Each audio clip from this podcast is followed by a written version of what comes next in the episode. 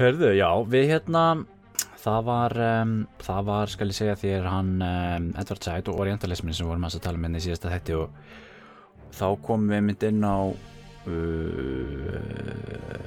um það þegar hann uh, Napoleon Bonaparte eða Bonaparte hvað segir maður? Veistu það, ég er svo afleitur í frönsku þannig að ég, er er bara veit ekki og það verður svolítið augrun í þessum þætti að ég verður að bera fram þessi frönsku nöfn og eitthvað svona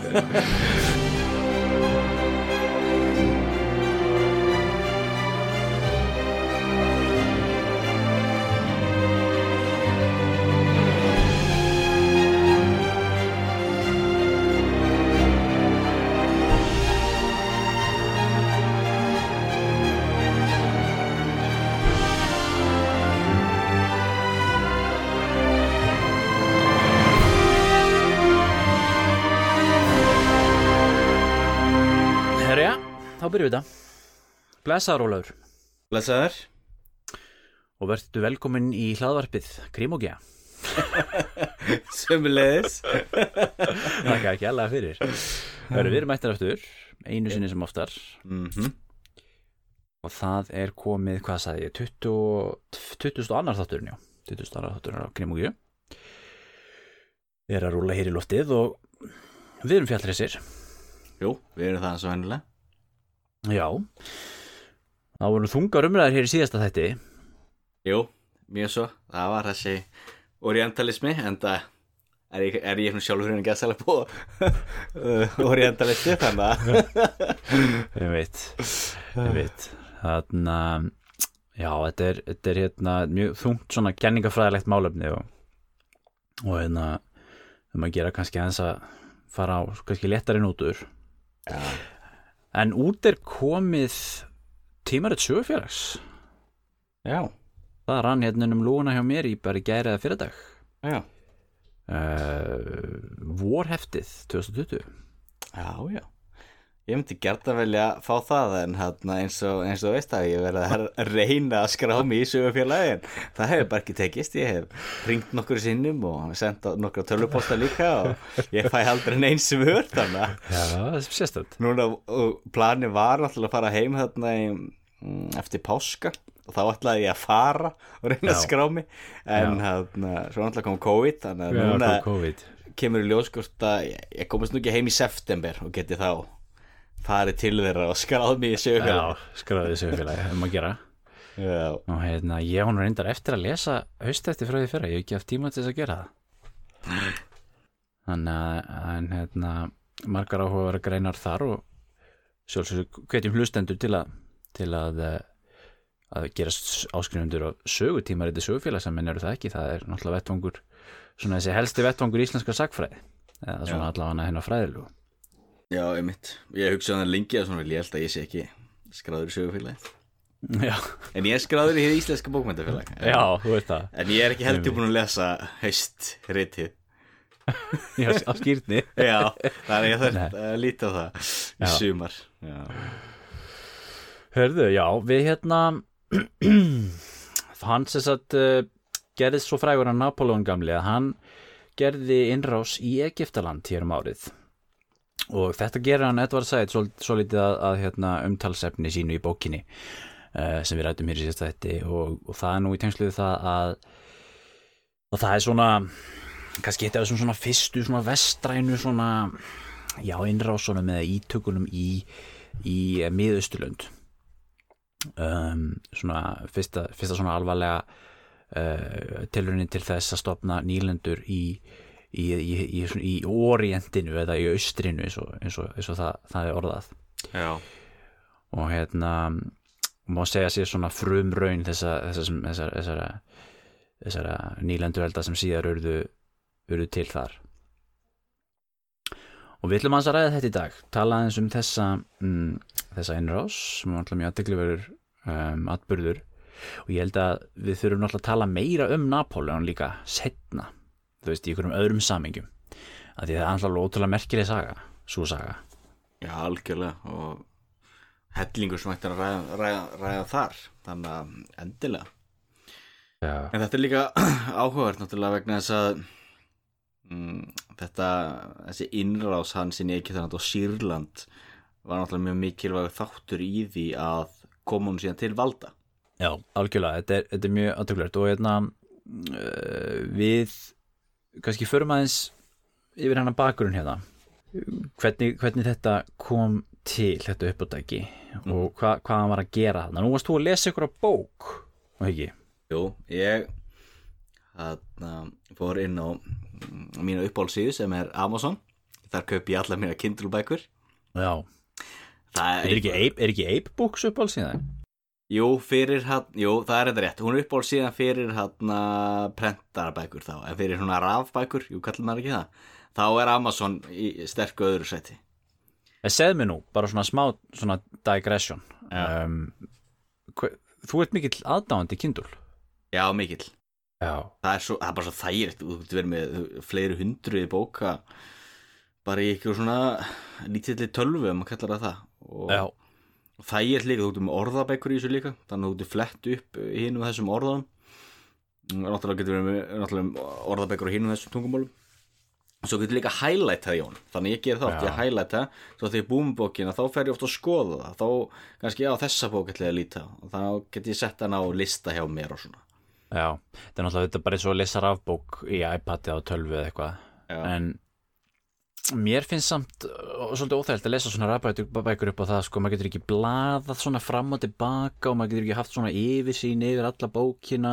Það er svo rosalega þægilegt þegar ég er að lesa þú veist, ekki lesa kannski bara þú veist, frá blaðsju 1 til blaðsju 300 sko, spjaldan á milli heldur meira svona Mm. þú veist, blaði gegnum og þú veist, já, fara aftur í næsta kapla undan eða næsta kapla eftir, fara í efnis yfir litið og fara í, þú veist, atriðis orðaskarana ég ger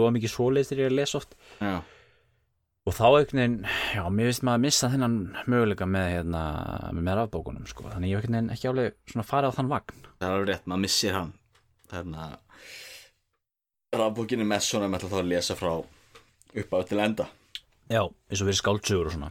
Já, en uh, Þú ert nú bara í rektinni með kindilinn bara, að ég, pumpa á ég tek hann allstaðar sko. þannig að ég er með hann alltaf á mér þannig að Shit, hvað ég væri, sko, hvað ég væri til í að sjá það. Einhver, einhver situr hann að presturinn í ræktinni sko að pumpa með skeggið og svo með kindilin að lesa orientalism með eitthvað. Já, já, já, fólk horfður alveg stundum á mig þetta er, þetta er svolítið sérstök sín ég gerum alveg grein fyrir því já, þetta er líka sko ég á svolítið, skrítið aðteglisbrestur en ég þarf eiginlega vennilega að vera að gera mikið í einu til þess að geta haldið mig við efnið. Já, þannig að það er svona líka þá þægilt að vera með kindilin En þú hefur ekkert verið í hljóðbókunum? Ég gerði það þegar ég var að keira eða sem að keira í vinnuna. Þá hef ég verið að hlusta hljóðbækur. Með mitt Ég get nú sagt frá því, fyrst við erum að fara að tala um Napoleon Já. að hérna ég uppgötaði mjög skemmtilegt podcast sem heitir uh, The Age of Napoleon. Já, sem er svona einmitt svona narratív, þú veist, bara verið að segja söguna bara í geðvegt djúp, hérna, þú veist detailed, sko, Já. mörgum, mörgum þáttum. Og hérna, þú veist, ég held að fara ykkur nýju þættir eða eitthvað eh, bara í þetta Egiptalandsæfintýri já, og hérna, svo svona viðtölu fræðimenn og, og svona inn á milli, mæli með því. Og, og náttúrulega til alveg ótrúlega mikið að svoleiðis podcastum sem, að, sem eru þannig um, um ykkur svona söguleg efni og önnur, önnur efni. Þess að ég nú nefndi það er History of Byzantium History of Rome já. með þarna Duncan uh, Michael Duncan eða eitthvað. Það er svona frekt hlaðvarp líka. Það sem er verið að, og svo náttúrulega hljóðbækur líka. Uh, ég, ég er mjög mikið í þessu sko þú veist, maður er að vaska upp eða þú veist, maður er að riksa og að gera eitthvað skilur maður er alltaf að hlusta á eitthvað. Og þú veist, maður getur alveg farið í gegnum bækur þannig sko, líka Já, algjörlega. Ég, og ég gerði þetta á tímabili síðan hef ég dotti meira í hérna bara hlaðvarp. Ég hef hlust á heimsbyggi hlaðvarp mikið. Já, já, og svo upp á síkast þegar ég bara búin að hlusta á létt ég er búin að hlusta á tvíhöða. Já, það er mjög þægilegt að hlusta á það. Ég get hlusta á Já. það endalist já ég hef reynda gert það líka. Þeir eru, eru konið sumafrí núna. Jú, og ég hef þetta byrjað bara á gömlu þáttunum sko. Já, ég er búin að hlusta á okkur kannski fimm nýjustu þættin en síðan er ég ekki stær í gömlu þáttunum. Já það er nú skrítið að mann finnst maður nú, maður nú eiginlega vera, vera gamall þegar maður sér að það að unglingar nú til dags margir hverjir vita nú kannski ekki hver, hver tvíhöði er eða eða minnst að kosti hlusta ekki á það. Hugsa sér. Hörru, Já, nóg komið þessu. Hérna, Já, við vorum að tala um Napoleon Þú varst að lesa bókum að fyrirgjöðu Ólafur, þetta Þennan út út úr okkar. Nei, já, ég, ég er alltaf gaman að svona út um líka. En það er svona hluta svona the charm, myndi ég segja. En uh, allavega já, þá, ég geri það alltaf. Ég fer inn á Amazon og, og skoða bækur því oft eru, þá hljómar eins og við séum eitthvað sponsaðir af Amazon og Kindle eitthvað það Já, mitt Og sögufélagi, það eru ekki. En það er ekki, það er ekki svo. En uh, þetta er líka bara svo þægilegt. Og bara eitt klikk áttu komið með bókina eftir smá stundi og það er ekki engastónd að hlaðinu niður í kindilinn. Já, og svo er það líka svo ódýrar oft já, eins og þessi bók, ég fann þá hún er, hún er endar barsist tíma hún er gefin út í 1960 en, en ekki það ég líti ekki á það sé sérstakt, uh, sérstakt vandamál þú ert að tala um svona gamla sagfræði nei, nei. Það er allt öruvísi heldur en þannig að og, og bókin er vel skrifuð og allt það en þetta sér bara allir hún er svolítið svona Bart síns tíma í, í orðafari og hínu og þessu. Já, já, en hún kostaði líka bara 3 dólara á Amazon. Já Einmitt. Og, og þetta er þessi, þessi reytöfundur eða sagfræðingur sem að skrifa þessa bók hann heitir uh, hvað heitir hann áttur? Sean Christopher Herold Já, en hann er sko frá Tjekklandi held ég. Eða Tjekk og Slókíu þá. Já. Flutti til bandaríkjana mm -hmm. uh, fyrir stríðið eða eitthvað sliðis mm. Já, já. Og var þar nú ég, ég googlaði hann og var þar við einhverja háskóla og skrifaði einhverja bækur og svona. Já hann var líka í útgáfu st- starfaði mikið í útgáfu. Já, alveg rétt, Hérna, var mikið í því. var, var yfir hérna eitthvað Harvard University Press já, og ég gaman að því sko, maður sér það rosalega vel á stílinum þetta er maður sem er uh, vel lesinn Mhm, með hérna ríkulegan orðaforða Já, og þekkir uh, sínar klassísku bókmyndir mjög vel. Já, það er svolítið gaman að sjá svona, þetta er svona mentamaður að gamla skólanum. Já. Og svo finnst mér líka ákveðin svona sjarmi ég er svolítið gaman af þess að gömlu sakfræðinga Hvernig eru mentamenn að gamla skólanum? Já Það er þegar svona menn kall- kallar sem hafa ekki hérna Þegar- tekið þátt í uppeldi bannana sinna en eitt svoleiðis. Það meira svona það sést að þegar allir kunnu, kunnu latínu og grísku Já, já, og, þeir já. og eru með sko sín Homer á hérna náttborðinu alla tíð og, og, og eru svolítið svona í þessum pakka sko. Já, svo kynsluð svona. Svo kynst þetta er eins og þegar hérna hvað var ekki fyrstu líffræðingarnir voru til að fara til uh, Suðskjóslandsins Já, að þar hérna og voru að fylgjast með mörgjarsonum þar sáu þeir alla hana uh, hrylling. Og þeim fannst það allir með þess að vera svo slemt að þeir skrifuðu það sérstaklega eitt þá hann skrifaði það á grísku klassískri grísku til þess að ómæntaða líðurinn get ekki lesið Já, þetta ekki og lesa. að bara sjentilmennin myndi skilja þetta. Já, já og sér að aðeins svona honum hann er aðeins að vísi í Homer og svona og, og síðan dregur hann svolítið sjálfan sig aðeins inn í þetta líka þannig að auðvitað er þetta ekki gæða sagfræði sam- samkvæmt okkar stöðlum þá í dag því það er voðalega fræðilegt og þungt og þurrt og oft bara leiðinlegt Já, en ekki það, já það er það oft þegar maður er að lesa það getur verið þú veist spennandi og, og auðvitað er að skilja ykkur í ákvæðu til sko fræðastarsins en sagfræðin alltaf áður fyrr flokkaðist mikið sem sko bókmyndir líka. bókmynda Já, já, já. Og það sé þarna, hann gefið út 1960 minni með Já. 62 þannig að það eimin eins og aðeins af því maður sér það í stílunum, það er aðeins, aðeins bókmyndir meira, en auðvitað er þetta samt náttúrulega uh, hreins sagfræði því hann náttúrulega bara gera grein fyrir uh, já, því sem gerist Já, og tala um pólitíkinni kringa síðan líka dregur hann líka mikið inn í þetta svona persónlega samskipti og, hitt og þetta og er það náttúrulega að vísa í brífaskrif já, sem enda skipti máli til þess að reyna átt að sjá því hvað var Napoleon að hugsa og var- hver voru markmið hans og markmið hinna hersöðingina og svona. Já. Erum förum aðeins yfir þetta hérna fyrir þá hlustendur sem veit, ekkert um hvað þetta snýrist Já, og í rauninni er þetta, þessi innrás í Egiptaland sko, hún, hún á sér stað hún stendur yfir frá hvað, 1798 Já. til og síðustu herminni fara 1801 en Napoleon hann er þarna bara eitt ár. Og í rauninni er þetta þetta ævintýri í rauninni bara svona neðmálskrein í sko sögu Napoleons líka við sko. Mm. þetta er svona, þetta er svo lítið já, með allt annað sem hann er frægur fyrir. Æ, ég segja hann kannski ekki, ok, kabli, kabli kannski í sögunni. Jú, jú, það er það. Þetta fellur náttúrulega í skugg, skuggan á öðru. Því, hvað maður segja, bakgrunnur þó er það, náttúrulega það er franska byltingi 1789 hvað ef mann rétt, þá var Napoleon bara eitthvað svona ungur stórskotarliðs uh, fóringi Já, en ekkert eitthvað þekktur eða neitt sérstætt við hann. Hann síðan náttúrulega nær að vinna sig upp. Að það náttúrulega er oft svona stríð og borgarastyrjaldur og svona og kemur svo miklu rót hjá allt. Þannig að það bjóðast val, eða, tækifæri já, og fyrir metnaða gerða mann þá geta náttúrulega gripið tækifærin gert ímislegt úr þeim. Já, þannig að hann er sér að vinna sig upp og síðan fær hann að endanum hér og beitir þeim hér til þess að leggja undir sig Ítalíu. Þannig að áður en hann heldur til ekki þannig að Sýrlands er hann orðin frægur hersöðingi fyrir að hafa sigrað Ítalíu fyrir þá franska líðveldið þannig að það er bakgrunin en samt hugsa sér er svona líka við að maður fá aðeins svona minnumáttíðan þegar maður er að lesa þetta. Því ég er 29, ég verð ver 30, 30 ára gammal núna í desember. Já, og Napoleon var bara 29 ára gammal þegar hann var um borð uh, hann kemur fyrsta franska hugtæki Le Orient sem bjöð fyndið. Lorient. Segðu bara Le Orient. Le Orient, ég segi það bara. Sem var þá aðal uh, orðskipi eða flagskipi sem fylgdi flótánum til Egtalands Já, ég hugsa sér bara 29 ára gammal og þá náttúrulega með stjórn yfir þá þessum armi Le Orient. Já, já. Eða hinnum austrana, hvað maður segja, her austursins já, já, kallaði það. Já, mm, Oriental Army. Já, með það hugtak sem hann notar um það.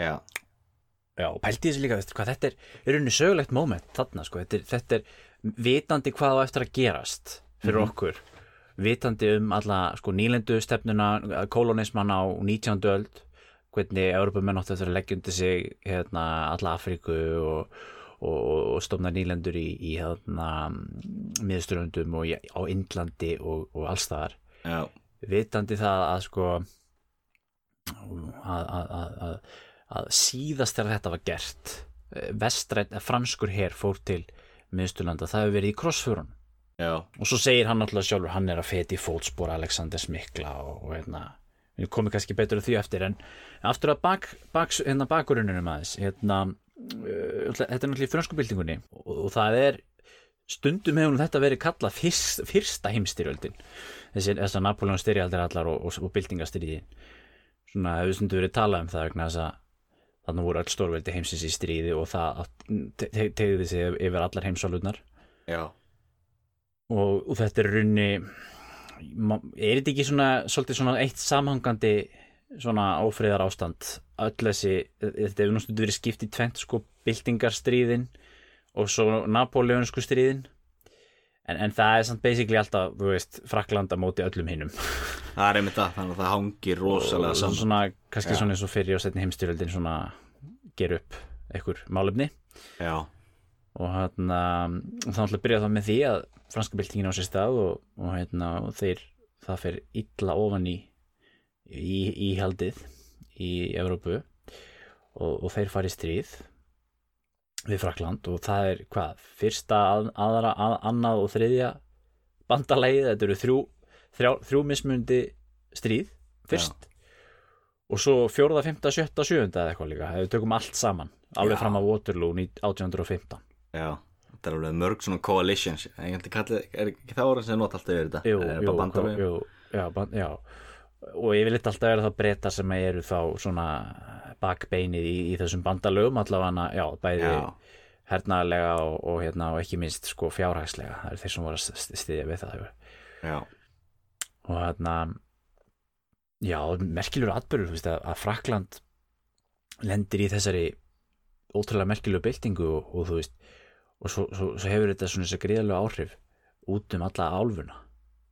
Algjörlega það gerir það og síðan líka ég verði ekki því varstu að tala þarna um líka með nýlendustefnu og svona að auðvitað er þetta, þetta þessi innrás frakka í Egyptaland er sá atbyrður sem eh, sem menn miða við og segja að hérna byrjið þá nútíma saga miðausturlanda. Já, vegna þess að þessi atbyrð hafa alveg gífurlega áhrif í miðausturlandum vegna þess að uh, þeir sáu þá kristaltæru þá mammilúkarnir í Egyptalandi og já, soldátnin í Tyrklandi þá ottomannaveldi og múslimar almennt gerðu sér þarna fyrst grein fyrir því hvað þið voru orðin rosalega mm, úreldir hvað þeir voru búin að dragast rosalega langt aftur úr uh, vestuveldunum eða vestur Európu Já. af því að uh, frakkarnir bara, bara strauði yfir það minnstamáli fyrir það Einmitt. þeir voru gjörsamlega háðir bretum til þess að geta komið ykk, ykkur vörn við.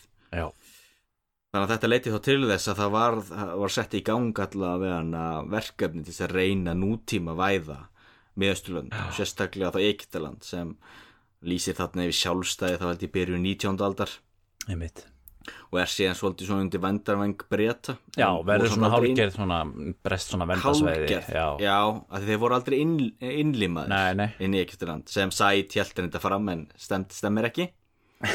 En þeir voru svolítið svona undir vendarvæng breyta já, þeir voru nú með uh, þessi krómer hérna sem Sæt var nú alltaf að tala um sem að var sérst þessi breski já, hann var eitthvað svona landstjóri eða hann var svona eitthvað svona að- ráðgjafi eða eitthvað svona sem að hafði öll svona raunveruleg ítök.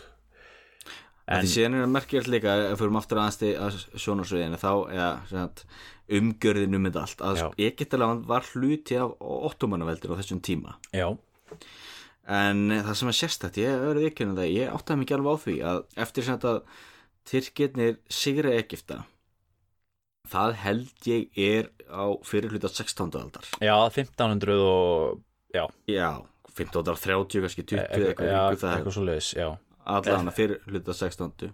já, það getur verið setna, ég manna það ekki allavega eitthvað í kringu þetta.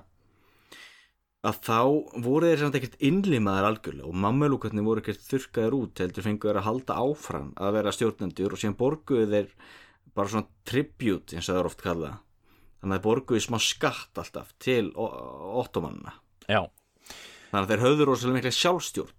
Já. Og mammelúkarnir voru alveg stórmerkilegt stjórnafyrirkomlag og, og, og hópur manna því ég hef aldrei fundið neinstar annað eins. Því það mammelúkarnir voru ekki ekiftar Nei, þeir voru þrælar. Já, þeir voru sér þeir, þeir keiftu þá mam, eftir að búið koma mammelúkarum á að þá keiftu mammelúkarnir sjálfur unga stráka frá Kaukasus fjöllum Já. Georgíu og Azerbaijan og því svæði og þetta voru þá uh, svona já þá hvítir hvítir strákar og þeir keiftu á venjulega eftir sko útliti og hann já fyrst og fremst útliti þannig að þeir voru fyrst og fremst að leita þá ljósærðum bláeðum fallegum strákum Já, já, og þetta voru þá strákar svona í kringum 8-10 ára gamlir og þeir voru þá keftir og fluttið til Egyptalands og þar voru þeir aldnir upp sem mamalúkar og þeir voru þrælar og voru þá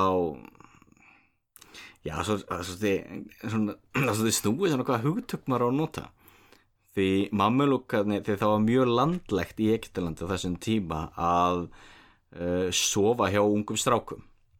Þetta okkar tíma myndi náttúrulega bara kalla barnanýð en þeir voru þá náttúrulega notaðir í kynfærslegum uh, uh, tilgangi þarna já, sem þessi þrælar og aldnir upp í hernaði, aldnir upp við að nota náttúrulega sverð og byssur og, og hestamennsku og allt slíkt. Já, sem við myndum í dag að kalla barnahermennsku barn, já, kannulega og svo þegar voru orðin þá fullorðni hvort að það væri kringum 16-18 eða eitthvað slíkt þá fenguðu frelsi og þá urður eins, eins konar leiguliðar hjá öðrum mammelúkum og fengu sín eigin þræla. Já, já, og þá þessir mammelúkarnir sem voru aðallin í öllu ekkitandi og þeir voru þá kannski um 10.000 eða hvað það var. Já, og þeir eignuðist eiginlega ekki börn því þeir áttu fullt af konum áttu náttúrulega svona típist austurlensk harem. Já, og en konurna þeirra stundu svo mikið fóstureyðingar. Að þær fættu eða engin börn. Það var til þess að koma í vekk fyrir eh, já þær heldur að jú komið vekk fyrir að þeir myndu slíta líka mann út við barsegnir og það myndi þá uh, eðilegja fyrir fegur þeirra. Já, ef við orðum það sem svo.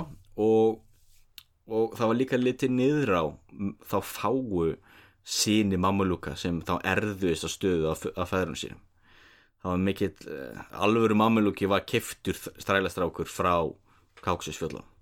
já, Þetta er þá elitan sem stjórnaði Egyptalandi Já. í einhver 500 ár. Og svo er þetta svo er þetta svona de facto hluti af um, hérna, Ottoman-veldinu og, og þeir eru með eitt svona svona vísikonung eða, eða fulltrúa, eitthvað svona ko, ko, ko, konunglegan fulltrúa hérna á staðnum Mhm.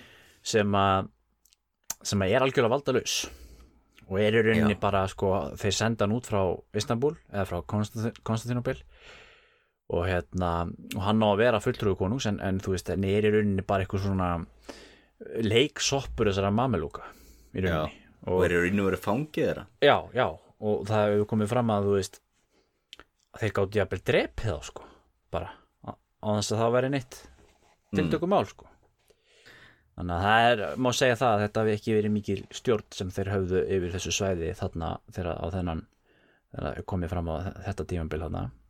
Bara máli, þannig að Egyptaland þá í raun og veru er, var sjálfstætt á þessum tímabili. Já, og það er náttúrulega hluti af því af hverju Napoleon hana, og eða frakkar fara að reynda á staðu sem leðangri því að tæknilega séð voru þeir bandamenn sko frakkar og ottomanarnir höfðu verið vina þjóðir í fleiri hundruði ára. Einmitt, já. Það var líka mörgum öðrum Evropaþjóðum þótti það alltaf mikill hnjóður á orðspúri frakka að vera já, að vera bandamaði þessara eyðingja þarna fyrir austan. Já, einmitt. Og þá, og þá er hann Napoleon komin hann sem sem þessi upprænandi ungi stórskotalis fóringi og það má alveg segja það ég held að það, það sé berin á öllum bókum saman um það að hann að þetta hefur verið eitthvað svona herkjensku snillingur. Já, af því hann kemur hann inn og bara bara hérna tekur yfir stjórnina hérna í Toulon. Mhm.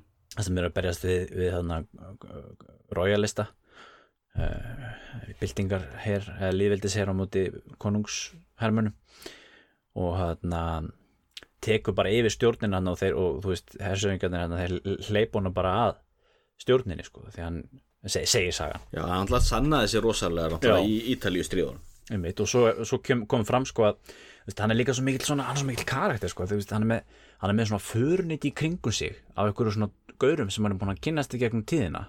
Já, sem er svona einhverju svona förniti með honum og, og fylgja honum í gegnum allt. Og þegar komið fram á hann 1798 þegar hann komið til Egyptalands þá er hann með sko einhverju svona menn meðal annars sko þann sem hafði verið yfirmaður hans þannig í Toulon sko já, sem er þá orðin undirmaður og vinur já. þetta er mikið svona svona karismatist, svona persónuvald sem hann hefur örugglega haft Alveg rosalega og það er náttúrulega mikið það sem náttúrulega býr, bjó til þessa góðsögn í kringum hann. já, enda, enda hefur hann oft auðvitað verið lýst sem manni með mikið stórmennsku brjálæði Já, aðstór hluti á sig líka og síðan er hann líka rosalega tækifæri sinni. já, Það er líka stór hlutaði. já, Og eitthvað svona, ég held, ég held maður getur líka sagt að þessi hafa verið eitthvað svona óróleiki í honum. Það er til dæmis ástæðan fyrir því af hverju af, af öllum löndum ákveða frakkar að senda 30.000 manna hér með stórskipum og með, með orðstuðskipum og öll tilhrandi til Egyptalands á öllum löndum þegar þeir eru í stríði við England. já, já, einmitt er náttúrulega þetta, þú veist, jú, það búið að leggja undir sig Ítalíu, uh, Spátni, svona nokkuð neginn með þeim, Já. uh, Niðurlönd og Þískalandi, svona rólegt, Austuríki, eru búin að draga sér til hljest, búin að tapa, þannig að það er friðið þar. Það er bara brettar og Portugal sem er ennþá í stríðinu. já, Það get ekki farið til Portugals út eða það er- vil ekki í gegnum þá spánur og svo náttúrulega komast þeir ekkert inn í Bretland út af Nei. breska flottan sem einfallega var bara margfallt betri en svo franski. algjörlega og það er alltaf þetta eilífa vandamál og vinna að breyta þetta með, með hérna, að komast ekki út á hafið Já. sem að náttúrulega eins og, þeim, eins og þjóðverjar í setni heimst- á 20 stöld hafa, hafa átt verið líkt við Napoleon náttúrulega eins og Hitler sem reist inn í Rússland og þetta klassisk, klassisk hérna, myndlíking. Já, já. og það er náttúrulega þetta sama, sama vandamáli hérna að sagt, þeir sendu til dæmis út uh, svakalegan flota sem að- átt að gera inn á Írland. Mm. uh, hann rétt fyrir og það hefur nú stundu verið talað um að það geti haft áhrif, ha- hafi verið einu ástæðum fyrir því að Napoleon fór út í þetta út í hennar leiðangur og að sest, einn af hans aðal keppinutum og mann ekki nafnið á honum sest, svona ræval, her, herfóringi franskur uh, Ós Já, það ég mann ekki. eitthvað, eitthvað svoleið sem hann var sér uh, helt út með, með leiðangur til Írland svo ætlaði að gera þar land, strandtök og hjálpa til við uppreist sem var byrjuð þar svona rep republikansk uppreist mm. um, og, og ætlaði svo að gera það, þaðan inn á sig á, Englandi yfir sundi þar á milli. Og svo einhvern veginn sko um leið og þeir fara frá höfn að þá kemur stormur og svo koma breytanur bara að sópa þeim upp skilur Já, og, það, og, það, og þá er oft þá hefur það verið nefnt sko þú veist að Napoleon hafði þetta hafði þó þetta, þú veist, þetta hjúbris sko, hann vildi vera svona hann vildi ekki vera minni maður sko. Ef að hann hérna myndi reyna aftur og, og takast þetta sko, þá ætlaði Napoleon að vera undan með að gera eitthvað svona me, stærra spektakul sko. Já. Það er líka stór hluti af Napoleon var náttúrulega þetta stormersku brjálega sem hann myndi kalla. Já, en þó, maður getur alltaf verið svolítið gaggrinn út í þetta kalla brjálega því hún tókst þetta næstum því. Já, næstu því. En svo nú annað þessu, það er náttúrulega þetta var náttúrulega bara hans einn ákvörðun þetta var náttúrulega sagt, um, fra, alls ekkert ný hugmynd fyrir frakka að gera Egiptaland að nýlendu. Nei. svo hugmynd hefði komið fram áður og hefði verið alvarlega rætt í, hérna, í uh, frönskum um, uh, já, í stjórnsýslunni þar. Já, og að meðal annars rætt með þess að vonum hérna, var, það ekki sólkonungurinn sjálfur sem að okkar hundra árum fyrir þetta alveg um þetta? Já, ok. Gert þetta svona hugmynd en þannig að þetta, þetta er alls ekkert ný hugmynd. Og þá er rauninni var hugmyndin bara þú veist að stopna bara nýlendu bara eins og við þekkjum hana. Bara þú veist sem byggir upp á bara uh, svona hálf kapitalísku eða merkantilísku arðráni bara. Já, ég myndi hérna- ekki segja arðrán. Nei fyrir ekki verslun. Já, að því sko Frakland var svo Európu þjóð sem versla mest við Egyptaland. Já, þannig að þeir höfðu mest ítök þar það höfðu þá mestar hagsmunu að geta já, en málið, þú veist, jú, þetta arðrán svo ekki óvinns einsalt, en ef maður lítur á það ríkulöndin versla eiginlega ekki við fátökulöndin það borgar sig ekki, ríkulöndin versla við ríkulöndin, það er það sem er búið til meiri peninga, það er önnur umræð en allavega, þeir vildu náttúrulega gera nýlendu. Já, já og, En það sem er samt svo áhugavert að að sé bara að lesa um þetta það er, og ég, ég gerum alveg grein fyrir það það er voðalega erfitt að dæma um það. En á bakvið þetta verkefni var voðalega mikil hugssjón mm og það er ekki bara já, náttúrulega við frakkar já, pröfum að taka Ek Egyptaland. Þá getum við mögulega byggt þarna skurð, skipaða skurð, súeskurðin Mhm. draumur náttúrulega um að endurbyggja hann.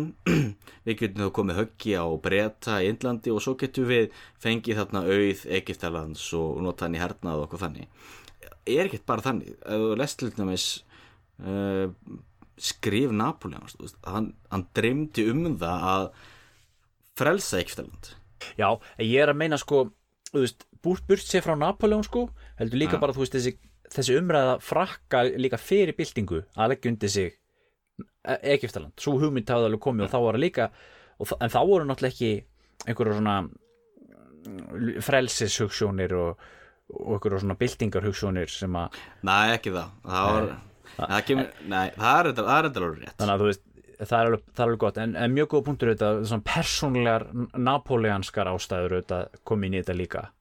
En það, það er líka það sem er svo því, það sem, Þegar ég að vera að lesa um þetta núna þá sé ég svo mikið parallel til okkar tíma. Mm -hmm. Til dæmis innrá- innrásin í Írak Já. sem náttúrulega algjört fjaskó klúður. Já, og það er mjög vinsælt náttúrulega að tala um að bandaríkjum fyrst og fremst að fara út á ólí og þannig. Og það ég trúði alveg að ólíðan skiptið út af máli veist, eh, það er ástæði fyrir því að það er engin að tala um mið-Afríku líðveldið þú veist, það er engin ólíða þar þú veist, það er öllum sama. Já, á meðan stór hlutaði af hverju bandaríkin réðust líka inn alveg saman hvort okkur finnst þetta heimskulegt eða barnarlegt eða hvað það er það var að samt eitthvað svona hugssjón og trú um að koma á líðræði jú, jú. Og svo getur maður sagt það sem maður vill um þá hugssjón en þú veist, það er alveg hluti af því þú veist, bandarækjumenn trúa því að þeir séu að bæta heiminn með því að dreifa líðræði og frelsi. Já, já, það er mjög oft sem er klúðræði og vennilega klúðræði er því. Já, já, en það er einstaklega með þennan leiðangur inn í veist, þeir trúðu því að þeir væru að frelsa Egyptaland frá mammulúkonum einmitt. Og, og, og það er ákveðin svona hluti að þessu að því að exporta byltinguna líka því þeir koma þarna með Já. svona, svona, svona þessar, þessar, þessar aukakendu hugmyndir Eh, líka með, með í fórum. En svo er þetta mjög mikilvæg mjög mikilvæg punktur þessi með, sem þú nefndi með strategíuna. Já. og kannski, þetta, kannski, kannski mikilvægstu punkturinn en, en það er svona þetta með sagt að, að, að breytar eru þarna í á Indlandi. Já, og þarna sjá þeir sér þá þann leik á borði að um, kötta á aðgangin til Indlands með því að lengja undir sig þarna landleðina vestlunarleðina því þú, þú, þú náttúrulega ekki með, með hérna, sjóleðin er náttúrulega ekki komin ennþá á þessum tíma Nei. og það var hlutið á svona draumurum að nafnum þá líka að, jú, kötta þarna og skera á landleðina ná einhvern veginn að dreifa þessum byltingaranda þannig að uh, Egiptaland og Sýrland myndi fylgja sér undir þá gunnfána frönsku byltingarinnar og hann myndi þá geta leitt uh, her austur, fetaði fótbar alls mikla, allaveg til Indlands og tekið þar höndum saman við uh, indverjar sem voru að berast gegn brettum og hrekja Bretland út úr Indlandi. Já, einmitt, stórar hugmyndir. Stór hugmyndir og, og veist, eins og bókin sem ég var að lesa núna alltaf kallar þetta stórmyrsku brjálaði Já, já, en samt, þú veist ef aðstæður hefðu spilast á þennan veg já, já ótrúlegustu hlutir hafa gerst. Veist, það er engin sem það datt yfirlega engum í hug 1910 og það er því stór styrjöld bara eftir fjögur ár. Allur heimurum myndi brenna. Algjörlega. Og það er engin sem datt í hug í Þísklandi 1930 að það var bara nýju ári nýja heimstyrjöld pældi ég hvað getur verið stutt í næstu heims, heimstyrjöld núna maður? Eh, nákvæmlega, þú veist, sama getur verið hér. Veist, maður veit ekkert um það. Já, það er oft mjög góð mælisteitt svona á þegar maður er að hérna, skoða svona já, tímabil og, og, og stó lengt uh, tíma einmitt að, að meða við meða við þessu í dag sko. Og ég var einmitt að hugsa hann um daginn þegar ég var að lesa um þess að með, frönsku byltingun og þessar, þessar stríðsátökur sem að koma upp úr því. Já, því franska byltingin alltaf byrjar á 1789 sko. Mm. og svo er konungurinn tekin á lífi 91 eða 2 eitthvað svo leis og, lífveldi stopnað og Napoleon kemst til valda sem konsul 99 og, og er síðan orðin keisari. Eitthvað árið eftir eitthvað mann ekki nákvæmlega hvernig það var mástu það? Ég 1800 mann það ekki. Nei, það var breytt eitthvað aðeins einna og svo í rauninni líður þetta undir lokanda 1815 og þú setur þetta yfir í sko, okkar sa sa- samingi sko, þú veist þessu þá 1989 til Mhm. 2015 sko, svona Já. svo langt tímabil sko. Já, nákvæmlega. Þannig að þú veist þessu sem ég og þú Já. Hefðum bara alist alveg upp í þe þessum heimi, byltingar sko. Hugsa sig Hugsa sig hvað þetta hefði mikil áhrif.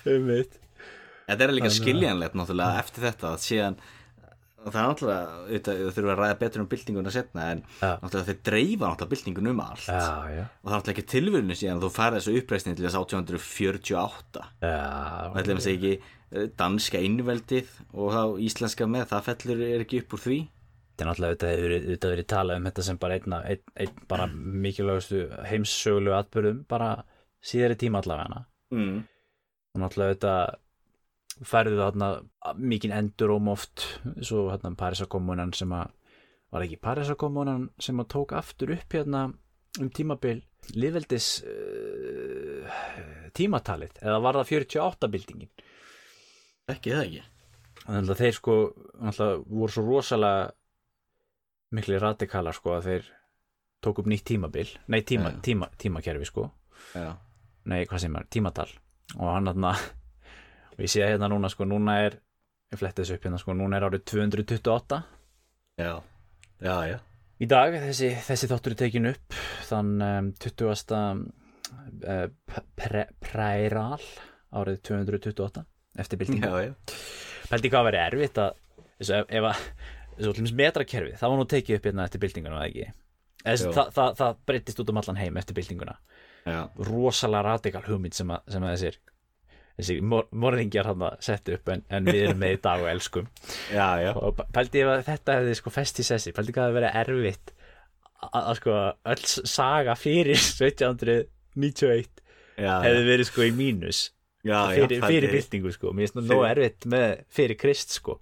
Já, já, það er alveg rétt talandi um það, ég er nú mikill hérna, áhugaður um hérna, uh, hérna Holocene kalendarið þess að tímatalið, hefur ekki gert um það það svo bæti Jú. 10.000 ár, árum við Já, sem að hérna, bæti sem er þá í rauninni aftur til sko já, landbúnaðbyltingin eða eitthvað þannig að núna er þá þú veist 10.000, nei 12.020 eftir Mm. en það, það er annar anna, anna mál já, já. En allavega þannig að ég ég er fullvið sko að hluta því til þess af hverju uh, frakkar farið þennan leiðungur jú það er náttúrulega þetta koma höggja og breyta allar aðra leiðir er einu loka það er ekkert annað að gera. En stór hluti af þessu er náttúrulega síðan þetta Napoleon Napoleon gæti aldrei verið rólegur. Nei. ég sé ekki fyrir mér að Napoleon hefði getað sett sig við að bara já, sett stað hérna. Þess bóndi bara eða njóta lífsins Hún er langaði þess að í fótspór Alessanders mikla. Hún er langaði Já. þess að koma þarna inn uh, og byggja upp svona sitt eigið glóri sko. Já, og hann vildi, hann var náttúrulega sjálfur líka auðvitað heitlaður af austurinu. Hann hafi lesið mikið af bókum og ferðasögum og, og þessum orientalísku mm. verkum sem hann sæt hefur nú talað um. Og það þess að hann sætt fyrir svo í töðan á mér. Ég bara verð að segja það. Því sko hann talar alltaf um þetta sem svo, gag, svo gaggrin út í þetta en veist Já. það, bara því meira sem ég les um þessa menn sem voru bara rasa hann í austrinu mér finnst það alltaf sjá það sama þeir voru dolfallinir og elskuðu austrið þú veist, þeir verða ástfóknir á austrinu. Já, en þú veist og að það er miklu Said- meira hætt á því að þeir verði native heldur en að þeir sé einhvern veginn að, að að skrifa um austrið á, á einhvern þá innan einhver sko orientalískrar orðræðu sem er síðan með að segja, upphefja vestrið og, og íta undir kúin í miðuströndum það stendst ekki Þetta er náttúrulega, fórum yfir þetta í sést, þetta er ekki, er með, meðvituð hugsun, þetta er sko, Nei, ég veit það, en Já, já. það þau sem við að gera ennþá minna úr hugmyndunum en allavega, þannig að Napoleon var alveg dolfallin á austrinu og þannig að hann talar um það í sínum brefum og jújú, jú, það getur maður að vera gaggarinn út í það líka því hann náttúrulega sumt af sér hann að skrifa náttúrulega eftir á, hann skrifaði náttúrulega mikið þegar hann er í útleiðin á Já. samt í helunu mitt, en samt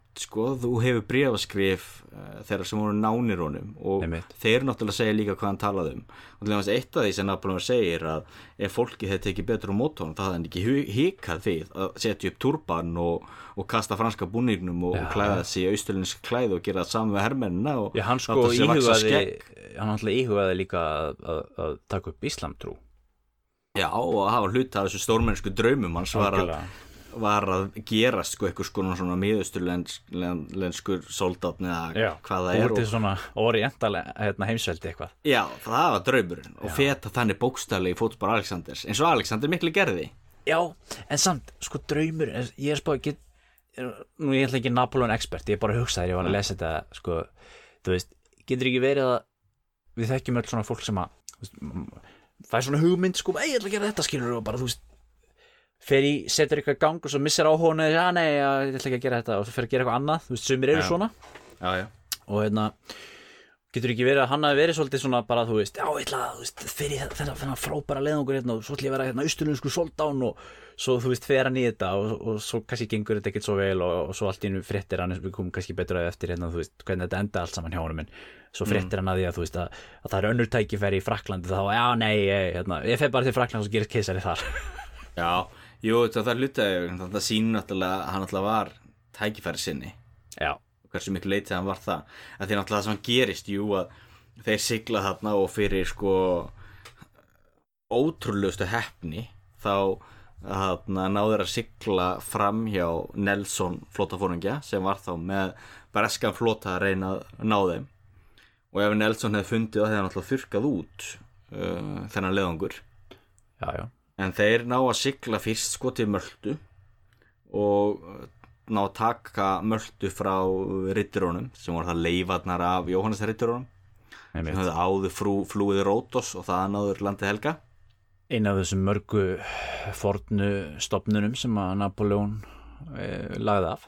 Jú, jú, já, nákvæmlega, það er góða punktur Þannig að þeir ná Möldu og síðan halda þeir þá áfram austur og ná síðan að lenda í Alexandri og það munar bara einhverjum sko tveimu dögum já. og milli þeirra og Nelson. Það var bara algjör slempilukkar sem Einmitt. bjargaði þeim.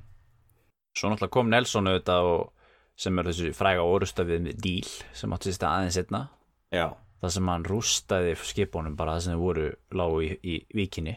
Já, og það er nú frægt málverk af því sem heitir einmitt einna, eitthvað þegar Le Orient springur.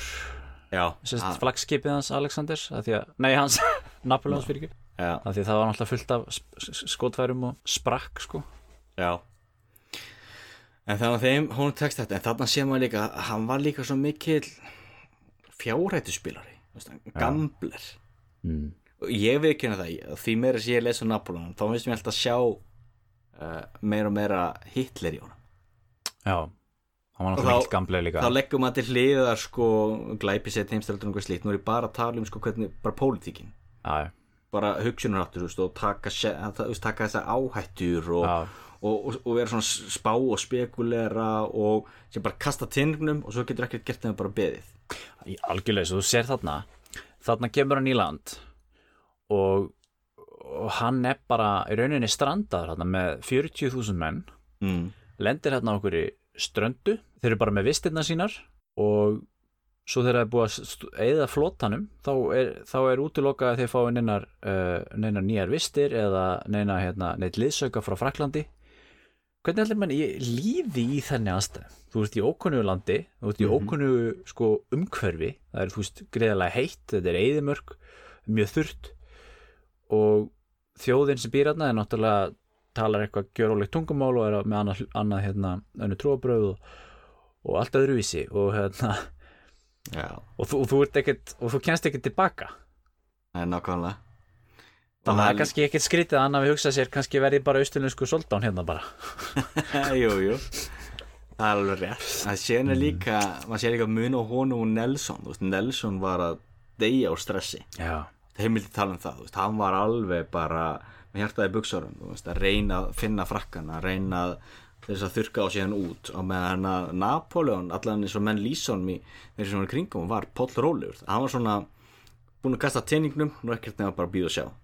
Það var mitt þú þarf náttúrulega að vera svona ískaldur náttúrulega til þess að koma svona langt eins og hann Pældi líka fyrir hermennina því þeir sko, þeir vissu ekki hvert þeir voru að fara, þetta var alveg top secret leðangur, af því Já. þeir náttúrulega vildi ekki lendi í brettunum út á sjó, það mátti ekki fréttast. Og þeir vissu það ekkert fyrir að voru bara komnir að stað.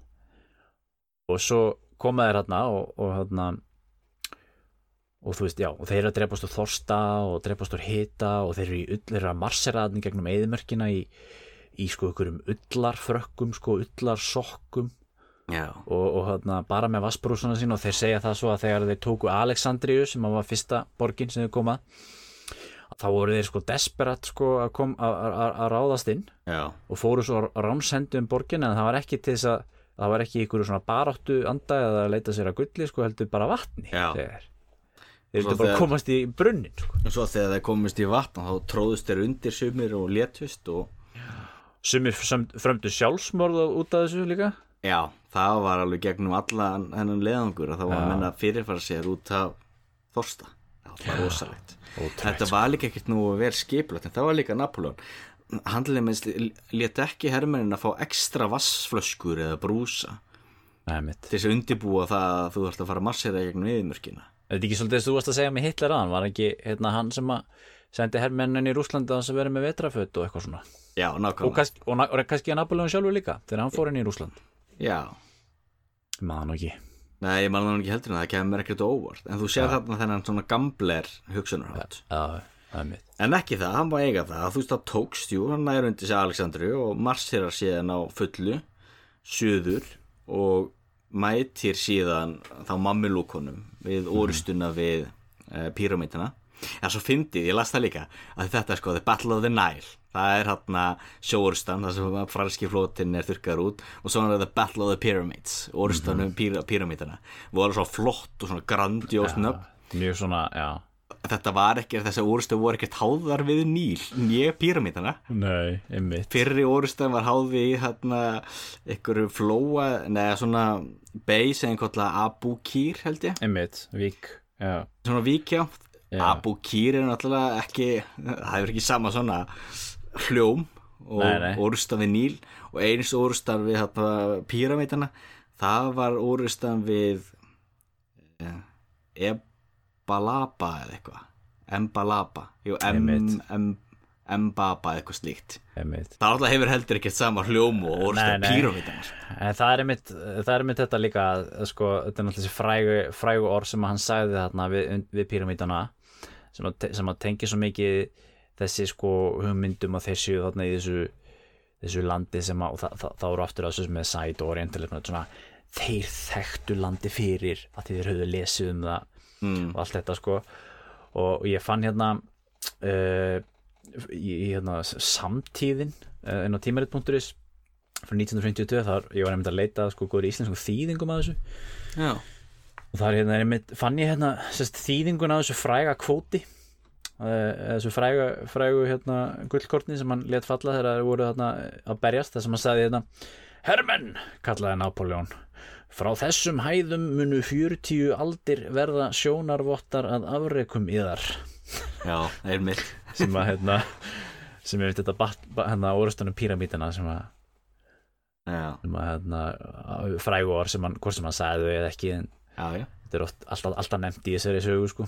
Alltaf nætti aðrir þetta flott orð Já, en hann að tala um þetta aðeins, aðeins aftur sko því að hann að því að tala um austuninska og þetta sko og, og, og því að hann held hann að líka fræga ræðu eða hann var alltaf að gefa út svona svona bæklinga og senda út svona til hermannana og svona. Það sem var alltaf svona hermenn! Og svo einhver svona skilabóð og það er einmitt mjög aðteglust sko þegar hann er að segja þeim hvert þeir eru að fara þegar þeir eru, eru á skipinu. Og þá, þá er hann að segja sko sko þeir eru að fara í land þeir sem bú í þessu landi eru múslimar. Mhm. Og þe þeir hafa önnur viðþorf eitthvað en þið eitthvað svona ég man ekki nákvæmlega það var.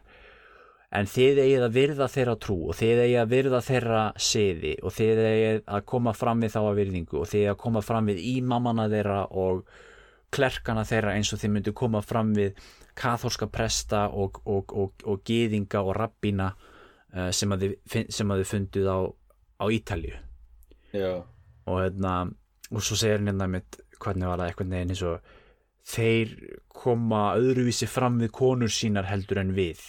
Mm. en samt skulið hafa í huga að uh, hver sá sem uh, nöðgar konu eða skadar konu hann er skrimsli eitthvað svona. Þetta er náttúrulega bara eitthvað sem ykkur bara eins og, eins og herstöðingi sem er að fara til Írak árið 2003 hefði getað sagt sko.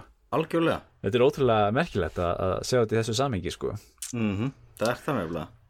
Af því að svo var hann einmitt svona mikill áhuga maður um austrið og, og þú veist og, og hafði eitthvað svona líka svona áhuga á, á, á Íslam líka. Já, og hann til mig sagði hérna sko uh, Íslam er að því hann náttúrulega er auðvitað þessari byltingar manna kynnslóð það er náttúrulega þú veist liðveldi sinni og svona og, og það fólst í því auðvitað mikil svona antiklerikalismi og vera á móti veist kirkjunni að sjálfsögðu sem náttúrulega grundvallar eitt af grundvallar aðdýrðan í frönsku byltingunni var að brjóta nefnir kirkjuna líka.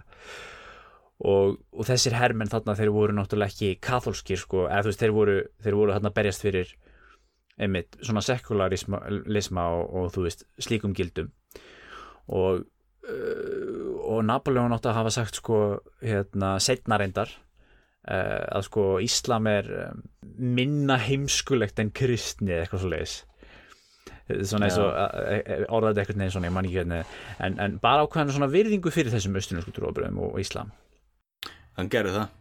Og það kom fram að hérna á einhverjum tímabili þarna þegar hann var búin að ná yfir stjórninu um ekki eftir landi þá vildi hann fá hérna e, með sér í lið e, elítuna.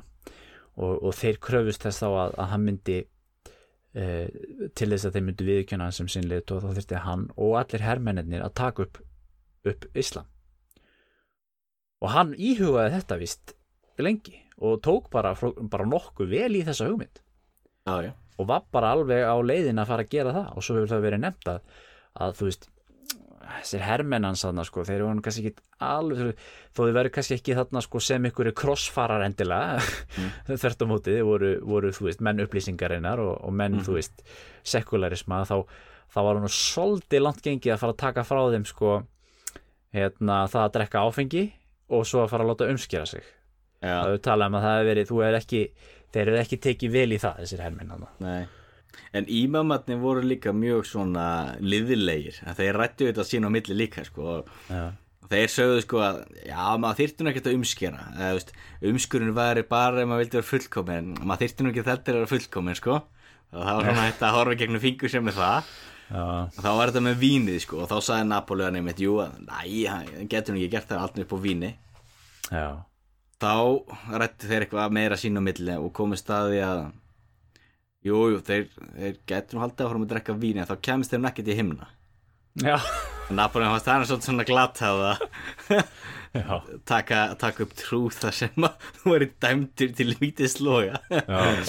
það er alveg rétt ert að segja þetta er mjög áhugavert og svo kemur hann líka hann inn með svona, já, bjart síni og svona opin huga, skilur Já. bara, þú veist, eins og ég var að segja, veist, þessi, þetta, þetta er gott fólk og þið eru komin til þess að frelsa þau og venda þau og hjálpa þeim og, og hérna, og svo eins og fyndið líka þetta með að hann gefur út líka svona bæklinga til sem hann dreifir út til fólksins. Já, og líka þú sér bara paralelin á þessu þú veist, með við einhverja svona fyrri svona innrásir eins og við tölum eins og krossfæriðnar mm Mhm. þetta er þetta er svo gjur ólíkt veist, þetta er svo mikið svona uh, þetta ertu komin upp í þessar hugmyndi bylting, upplýsningamanna um veist, þjóðina og veist, fólkið og almenning og svona. Mhm. Og frelsi og svona. Og til mér bara þetta sami bara þú veist, spánverjana hérna í, í, í Ameríku sko. Já, þú veist, það sem að þeir, þeir komu bara hérna, já, bara algjörlega. Og hann dreifir út þarna sagt, bæklingum það sem, að, það sem að er á mjög svona brotin í arabísku. Mm -hmm. uh, vegna þess að notaði sem sagt, það var nú ekki gengið að því að fá túlka endilega í Evrópu. Þannig að hann var búin að útbúa fyrirfram hennan texta það sem hann hefði fengið sagt, svona maltverska uh, túlka sem að kunnu arabísku til þess að þýða hennan texta fyrir sig. Og hérna menn hann nú tala um það að það hefði verið ákveðið svona fe feil, feilskot sko því að þessir maltversku menn sem að hann gróði upp að þeir voru þú veist, þeir, þeir töluðu arabísku að því að þeir, að þeir, þeir voru að stunda sjórán sko mikið. Það, það- var svona Já. þessi, þessi, þessi, regla, þarna rittararegla var mikið að gera að, að ræna svona arabískum sjó, sæ- sæförum og, og, og selja það í þrældóm og eitthvað svona. Og þú veist, Mhm. þeir gáttu krabbað sér eitthvað áfram í því að tala við þá sko og, og kom með eitthvað svona kröfur og, eitthvað svo leið sko. En þarna voru þeir sko, svo voru þeir þarna farnir að sko þýð eitthvað svona texta, mjög svona maður að segja, akademiska texta í rauninni svona hápólitíska með svona mjög flottum svona upplýsingar orðum og svona svona og það kom líka fram setna til þess að þeir hérna þegar það komið fram í fram að haustið þá heldur upp á hérna sem þetta voru að halda upp á afmæli byltingarinnar eða afmæli lífveldisins og það var svona lífveldishátíð sem öllum arabunum var bóðið líka. Og þetta var um, flott hátíð sem var hérna var svona talað um að þetta hefði verið svona þarna náðu þið smá svona svona hugulir stund saman eh, frakkarnir og arabarnir. Já, og þá einmitt þýttu þeir sko hérna, hvað heitir það hérna, mannréttinda yfirlýsingin hérna, já heitir það ekki bara?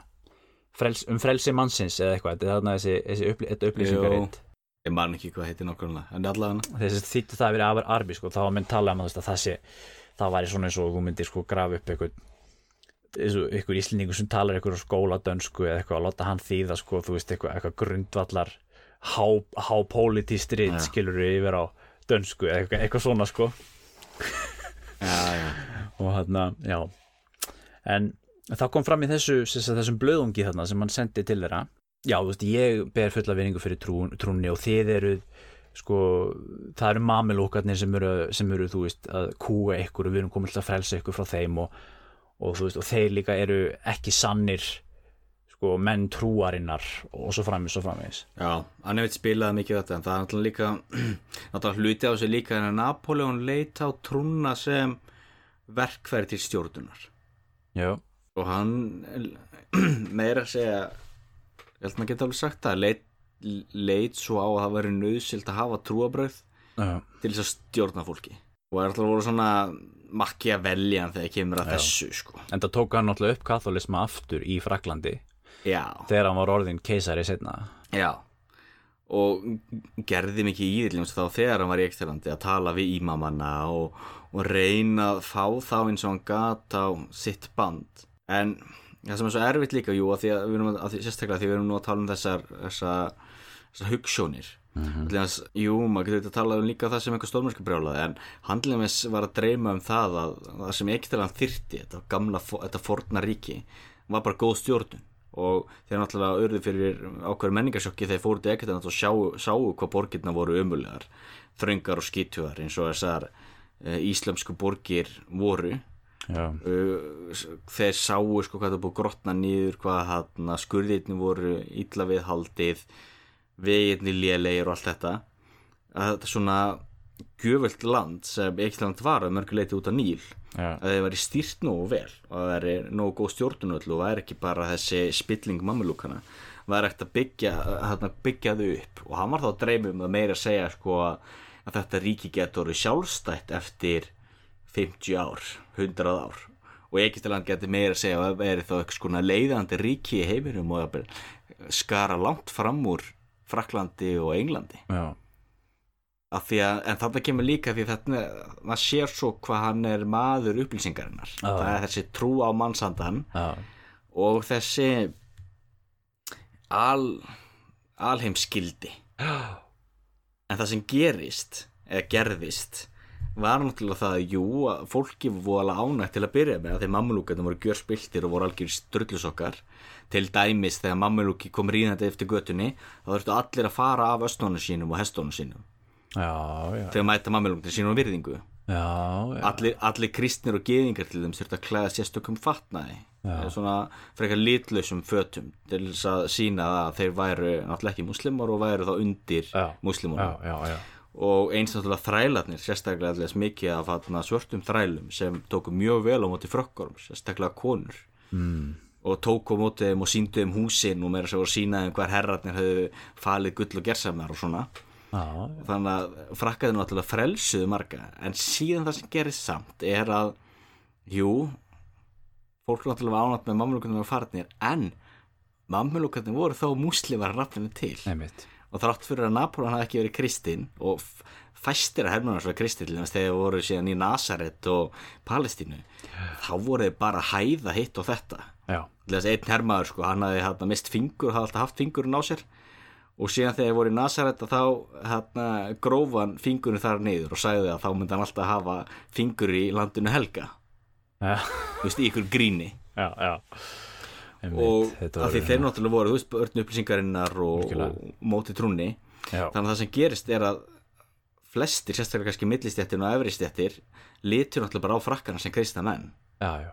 Eða, heið, eða minnstu kosti heiðingja eða heiðingja, allan ekki muslima eins og hann sagði sjálfur Napoleon í þessu, þessu blöðungi sínum þarna, þegar hann var á skipinu að þessi þjóð sem þið eru að fara að her- herja yfir hún, hún hefur það motto að það sé engin annars bámaður en Muhammed mm. Og allir aðri séu heiðingjar og þeir munu líta þannig á ykkur og þið verða að vera viðbúin, viðbúin því.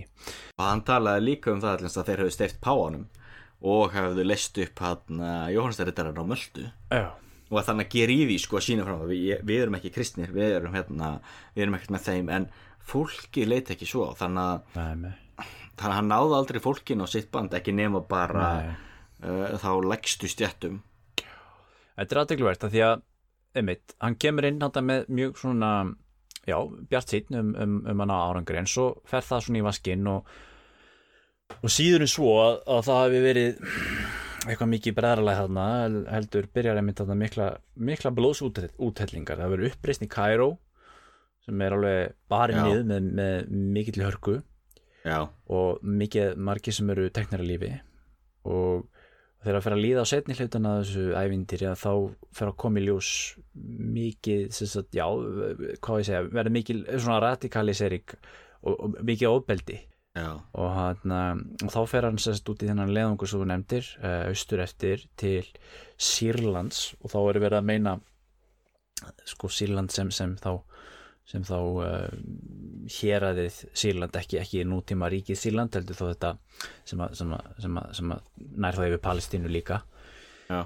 Það var satt líka að segja, þú veist, og jú að því við erum að tala um hugssjónir og svona já, að eh, auðvitað náttúrulega gengur frakkaði líka mjög hart fram á einhvern stöðum í Egiptalandi og þeir náttúrulega nöðguðu töluvert já, já, eins og fylgdi hernaða á þessum tíma og það var náttúrulega ekkert að réttlæta það bara að segja hvernig þetta var og eins eh, frakkarnir sjálfur það kom þeim mjög óvart að þeim var nöðgað eða voru teknið til fanga.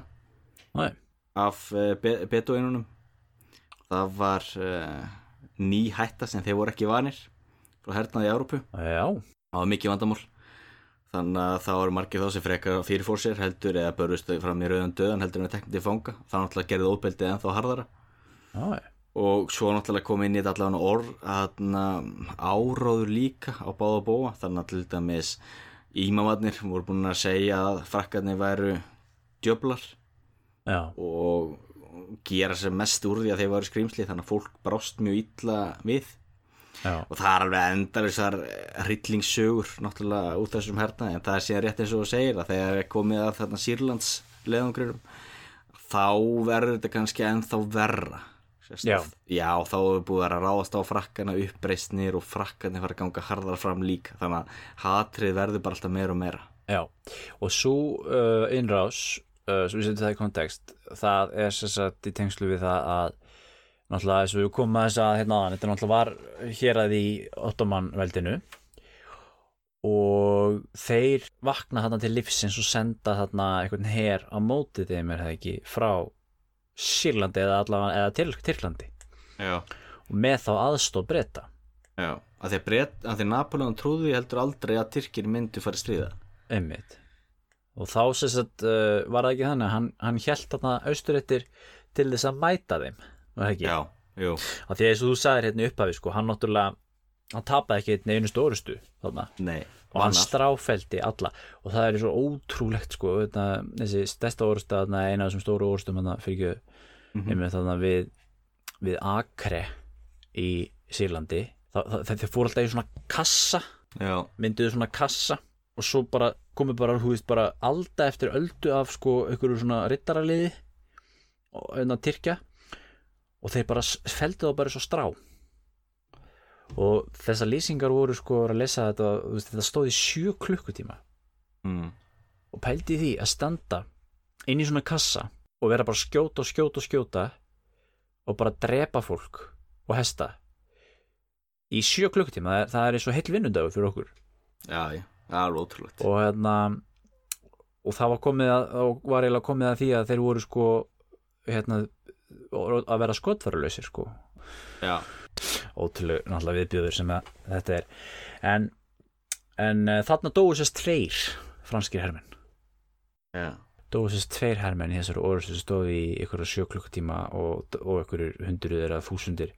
Þetta er náttúrulega ótrúlegt.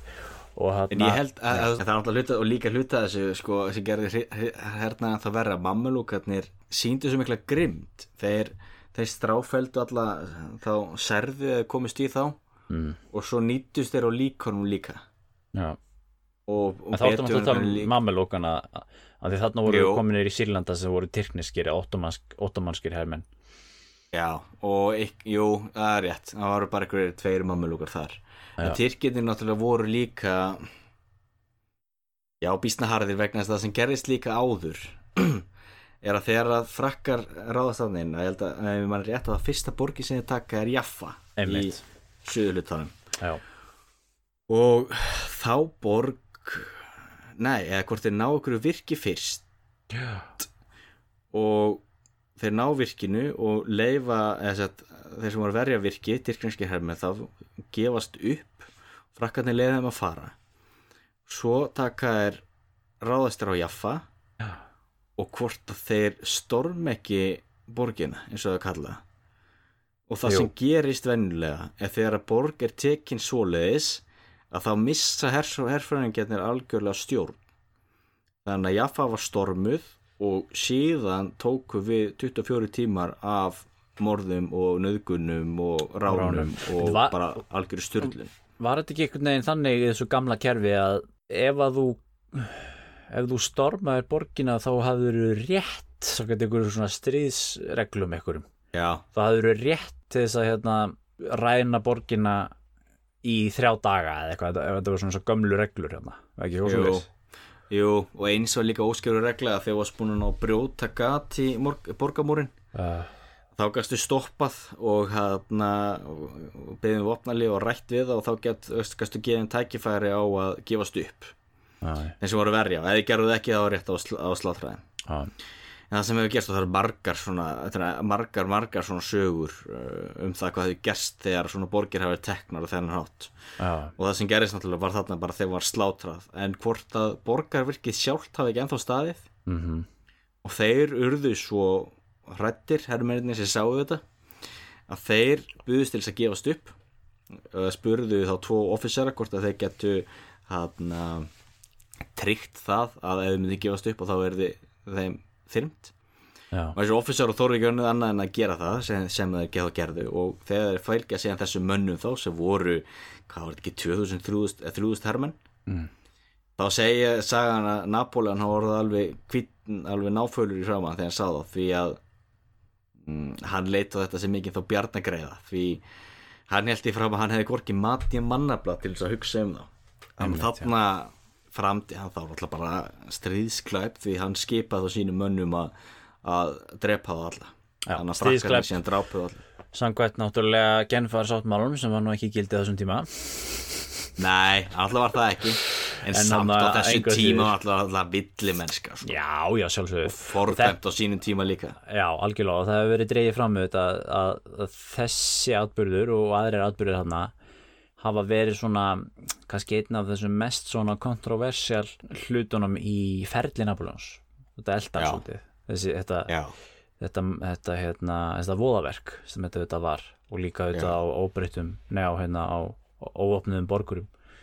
Já, fullt af börnum sem voru mist þarna og konur og allan já, og þá upp úr þessu ráðast þeir síðan þá lengra fram að reyna að taka þá akri já, og það tókst ekki. Nei, þeir held í ráðast þeir ekki átta sinnum á borgina. En þeim tókst ekki, en það var þægilega glata en hann tal, talaði stundum það að Napoleon þol, þoldi ekki svona umsátur. Nei. það var það versta, það var, tók ólangan tíma og svona umsátur náttúrulega eru hundleðileg en þannig séð þú þetta endur taka það sama aftur aftur það er engin, þú veist, hraði og, og þú veist, eitthvað svona maneuvers og, og eitthvað mobility eins og er Nei, í nei. orustu einmitt, en það var þá einmitt líka þá bresk skip sem hjálpuðu þeim uh, Tyrkjónan þá að verja virkið. Já, og náttúrulega náðu að flytja í nóga byrðum þannig að frakkarnir náðu ekkert að loka borginu mennilega þeir gátt ekkert svelt á þannig að þeir þurftu að ná akri til þess að geta haldið lengra inn í Sýrland. Já, já, og það tókst ekki. Algjörlega. Og þá hörfa er upp úr því tilbaka til Egyptalands. Já, og þá gerist er það ekki fljótlega upp úr því að þá er svona eins og hann Napoleon uh, missi svolítið áhugan á þessu. Já, Hann hann sá kemur, þetta er svona hálf svona ekkert kvatvíst svona eitthvað, finnst manni. Það er það. Og, og það segir sagan að, bre að breytanir hafi smiklað til hans frönskum dagblöðum. Já, af því þá var, var farið að ganga illa hjá frökkunum í Evrópu. Og, og það er náttúrulega önnur saga auðvitað, um talað það setna en, en það var sem starfi stjórn uh, svona frekar spilt stjórnvöld sem voru ekkit vinsæl og, og það var að ganga illa í hjá lifildinu. Mm, og breytar allir sér að fá Napoleon til að gefast upp. Já, með því að senda honum með sér, hann sendi honum svona pakka með dagblöð, hann var alltaf ekki dægt að fara bara á netið og kíkja sko. Og, og, og þá fekk hann sérst fréttir af því hvað var að gerast. Og þá heldur að hann myndi gefast upp að stríðið væri að vera að tapa eða eitthvað svoleiðis. En, en þetta mótið að þá er runni eldist hann í þeirri trú að nú þyrfti eh, Frakland á honum að halda sko. Já, nú, nú mist hann áhuga á þessu, þessu Egyptalandsævindir og, og fór. Og hann fór í rauninni sko hann hann tók þessa ákvörðun og svo í rauninni sko og þetta var svona að fara nú eða ekki að því við vorum talum, tölum um hérna áðan hversu mikið gampl þetta var að því að breytalandinn alltaf reyðu hafinu. Og ég var um dörsa bara hvernig alltaf að komast heim? Mm, skilur og það var alltaf búið að kvartnast ótrúlega mikið úr hernum að voru, þau voru einn af hverjum þremur hermunum sem þau komið með honum voru, voru hérna eftir. Já, eða voru, voru látnir. Hvernig voru konir í 15.000 eða eitthvað, og, og hann svona laumast í burtu og skilur eftir sig bara svona, svona með á eldursporinu hérna er ég farin og ég skil ykkur eftir hérna hjá Kleber sem var hann að næsta Mm. rándin já. Og hérna við sjáum setna basically. Hann yfirgafa þá. Já, má segja það, hann hefði bara yfirgjöð og svo, svo laumaðist hann aftur til Fraklands bara framhjá breytunum Já, líka ég Napoleon það er ímislegt svona ef maður á líka að vera svolítið að, dæma líka. Og við leikum okkur alveg að gera það líka. Það er ímislegt svona skýtt við hann. Já, eins og þetta sko, jú, hann, hann, vilti um fyrir mönnum, hann sagði ekkert að hann var að fara. Hann þóttist vera sko að sigla niður eftir Níl bara til þess að fylgjast með og eitthvað svona skoða landið og hvað það var undibúa hérna, sjórnsíslun og eitthvað svona. Já, villir þannig um fyrir þeim og síðan nær hann fer hann um borðið ykkur á freikátu og, og smiklar sér til Fraklands já, skilur eftir hennar Kleber sem þá þarf að berjast og hann háir hann einhverja stór, stór orustu og vinnur hana ef mann rétt. Mm, en síðan náttúrulega eins og þú tala um, veist, þeir voru náttúrulega lokaðir þeir, þeir fengu enga liðsauka eða byrðir eða neitt frá Fraklandi mm. þannig að það voru þetta borin vona að þeir myndu ná okkur meira þannig að þeir eru þetta töpuðu en þá var, búin, þá var Napoleon búin að koma sér til Fraklands þannig að Napoleon vann allar sínar orustur innan geðsælapa utan við það þá umstáttur við Akre og þegar þetta allt fór í vaskina þá var búin að koma ábyrðin yfir á annan Já, sem einmitt, lést sko. sem Já. síðan lést þarna í ekkert en hann gæti ekkert varið sig. Nei, og hann gerði þetta ekkert bara þarna því hann gerði þetta líka við flótaórustuna orustan þá Níl eða Abu Kir að flótafóringi sem styrði þeim flóta hann lést þeirra orustu. Já, þannig að Napoleon kom líka allir sökin yfir á hann Einmitt, sem gæti ekki sko. varið sig. Já, alveg rétt, já. Og síðan var einhver annar mikilögur en hann dó síðan úr orustunum við Trafalgar. Þannig að. Napoleon gerði þetta eh, svona já að koma eða ásaka aðra. Já, já, þetta er aðtilvægur punktur og svo, svo satt hann þægilegur í í hérna vistinni sinni á samt í helinu orðin eldri maður og, og skrifaði bara um söguna hann að já. Útskýrið allt frá sjö- allt. Já, en já, þessi sagfræðingur sem ég var að lesa hann gerði henni grínaði sko hvernig sagan væri af þeim sem myndu hvað, sigra og skrifa söguna. Já, og þá ætla að vísa í Napoleon þegar hann ætla að vann alltaf mikið orustum og síðan skrifaður um hvað gerðist. Já, já, þannig að hann eh, hefði þá sko allt í hendi sér já, já. en síðan er líka þetta og líka að lesa í gaggrinni það var einhverjir hérna kollegar sem sögðu að Napoleon væri maður sem þyrfti hvað 10.000 menn á mánuði vegna þess að hann var svo reklega sko. hann var hann bara óð áfram og var eftir ekki var tilbúin að fórna mikið af mönnum já. og líka talað um það hann var kannski meira pólitíkus heldur en hermaður já. þess að sumir eru bara hermenn og eru þó mest uppteknir að því að huga mönnunum sínum og reyna að sýra á sem ódýrastan hátt og meðan að margir eru pólitíkusar líka. Já, já. og ef þú ert búið upptekinn að því þá getur þú lettar að fórna innum þessum já. Þetta er aðtilvægvert, ég held að við þurfum að taka fleiri þætti í Napolú Já, endilega. En hérna, Síðan má ég skjóta inn einu líka til þess að svona, ekki ég er voðalega hrifin á Napoleon, maður sem hann gerði líka gott en, en það er líka áhugart, það er að bera hann saman líka við Davíð og Úrija það er þekkt biblíusaga þegar Davíð sjá Bethsheba, minnum hún á heitið sem var þá gullfalleg eiginkona Úrija sem var mikill hérna, hermaður að þá langaði Davíð konung svo mikið í hann að hann sendi Úrija í fremstu výlinu þannig að hann fjall í stríði. Já, og Napoleon gerði svipað við einn af sínum undirsátum nefnum hann sendi hann ekki í þennamstu výluna, hann vildi nú ekki að hann myndi deyja en hann sendi hann á eitthvað svona óþarfa hann leiðangur til Fraklands einmitt. En það er enda tókst Pauline ekki eða eitthvað, hún? Gett verið, mann ekki nafna en allavega það mistókst því hann komst ekki gegnum brettana. Að hann snýr tilbaka og snýr aftur til Cairo og þegar hann ætlaði að fara í íbúðuna að hitta sína ástkæru eiginkonu þá var hann að hvergi að finna. Heldur þá var hann upp í, upp í rúmunu á honum Napoleon já, já. Það er svona þetta er svona oh, kalla sem að gera bara það sem þið vilja en, en þarna uh, ástarlíf Napoleon sem hún oft verið uh, umræðefni mikið og skrifa mikið um það. Og hann hefur nú, hefur nú, hefur nú áttu nú kannski svolítið svona uh, litrikt ástarlíf held ég. Jú, var nú hann með þessari Jósefínu og, eða hvað jú Já, sem var nú stærsta ástinnans Já, og svo var svona eins og þetta væri hálf, hálfgjörð svona rebound samband sko sem hann, að hún hafði haldið fram hjá honum. Og það er reynda svo fyndi líka þetta er náttúrulega á sér staða meðan hann er í Eikistalandi og svo er hann að senda bref heim til hennar, já, prívatbref og hann að fóstusonur hans, sonur hennar er líka því.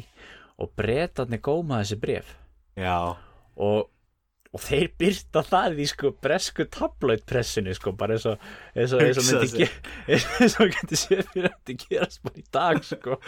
Svo sátu þeir bara okkur kaffihúsum og voru að lesa þessi ástabrif sko. Eða hvað hann var að segja? Já. ást, bref, já mjög, mjög, sumt á þessu ástabrif ég le- las aðeins hluti á sumar sem brefum og sumaði mér sem er svona tölvert eh, klámfengin. Og sum brefin eru það klámfengin að þetta, þeir sem gáðu út setna að þeir sem sagt innan gæsalappa sögðu að sum orð væri ekki læsileg. Já, ok. Herru, hérna Pauline, já, eitthvað svo leys hún hérna var, var einmitt eina af þessum menn svo, svo yfirgaf hann og hana og, og Já. byrja með ykkur annar og, en það er náttúrulega ég, með, eitt sem verðum að koma hérna þannig við förum að slúta þessu Já. sem er náttúrulega eiginlega við hefum átt að, átt að vera búin að nefna hérna miklu fyrr og það er þessi vísindalegi leðangur sem kom með og, og, og það er svolítið það sem Já. hann, hann, hann um, vinur okkar hann Edvard Said nefndi nefndi mikið í tengslu við þetta að hérna að sérst uh, Napoleon kemur hérna með 160-70 vísindamenn. Já, sem voru svona, sem voru organiseraðir eins og herdild. Það var svona eins og lærða herdildin í hernum hans. Hvað voru kallað, Sav savant eða eitthvað svo leiðis og þetta voru náttúruvísindamenn þetta voru stærfræðingar, verkfræðingar þetta voru, þetta voru hérna, líffræðingar eh, þetta voru sagnfræðingar fordlegafræðingar og, og tungumálafræðingar og ég veit ekki hvað og hvað. Alls konar Mm. fræðimenn. Já, já. Þetta er ótrúlega merkilegt að hann tók Það er þessa með og, og, og þeir allir að koma hann með og, og eins og hann sæt orðar það svo skemmtilega sko. Hann alltaf er nú rosalega hérna, mikil eh, listapenni sko. Já, Napoleon kemur hann til þess að sko leggja undir sig Egiptaland og vinna hug og hjörtu þjóðurinnar sko en hún er ekki að minna mikilvægara sko að, að, að opna landið og gera það aðgengilegt að evrópskum rannsakandum skilur, þetta Mm. átt að vera land þar sem að, sem áður fyrir hafi verið undirlagt myrkri uh, sem hann ætlaði síðan að lýsa upp. Uh, og þetta að vera svona og það er, á, það er hugmyndin í þessum orientalism að sæt skilur þetta er svona að vera hlutgera þjóðina skilur hlutgera landið skilur það er bara svona viðfangsefni vísindamannana og, og það, eins og við töluðum um hérna í síðasta þætti. Já, já, og þarna þetta var svona hlut, hlut, hlutverk uh, lærðu herdeldarinnar sem, sem að mitt sæt kallar sko að það hefði verið meira aggressíft heldur en sko hinnar herdeldirnar mm.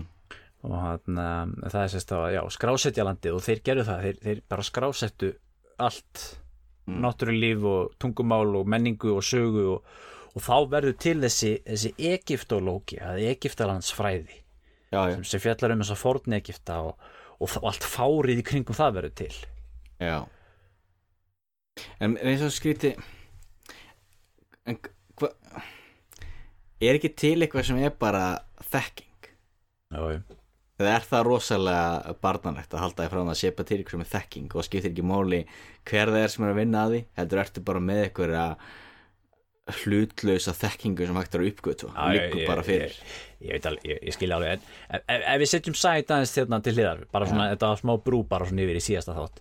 Já, já, og því að- mjög áhugavert auðvitað og mikilvægt í, í það því auðvitað þetta er þvílíkt sko brautriðjanda verk að detta þetta í hug. Já, ef ef lítum að á þetta verk sem að þeir gerðu þetta var ótrúlega Já. merkilegt. Þetta heitir hérna uh, uh, Lýsing Egyptalands og ég noti nú bara íslenska orðið á þessu verki. Já, já, og þarna, hvað var þetta, 20 okkar bindi sem að koma út á okkur 10-15 ára tímambili Risaverk. eftir, já og ef þú googlar þetta, eru til myndir af þessu þetta eru, þetta eru bæði svona bækur li- litlar sko og svo líka rísastóra kortabækur.